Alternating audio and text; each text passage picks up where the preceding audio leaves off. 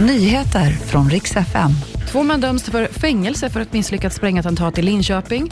Och NASA söker efter personer att låsa in på en fiktiv rymdbas under ett års tid. Vi ska börja i norra Stockholm där två män hittades igår kväll stickskadade. Först en 25-årig man som hittades i Täby, oklart skadeläge där, men han fördes till sjukhus och två personer kunde också gripas som var under 18 år. Senare hittades också en man i 30-årsåldern i Solna. Han har förts till sjukhus. I det fallet är ingen person gripen. Två män döms också till fängelse för ett misslyckat sprängattentat. Det här var i september som männen som är 22 och 29 år försökte spränga en fastighet i Linköping. Det här tros vara kopplat till Foxtrot-nätverket. Nu lyckades de inte och fick avbryta försöket. Båda männen nekar till att varit inblandade men döms mot sitt nekande till sex månaders fängelse var.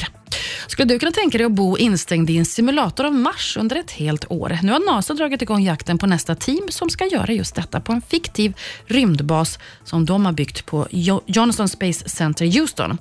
Om man vill söka då måste man vara amerikansk medborgare, 30 till 55 år gammal, rökfri och prata flytande engelska. I så fall så är man välkommen att ansöka. Maria Granström heter jag och det var nyheterna.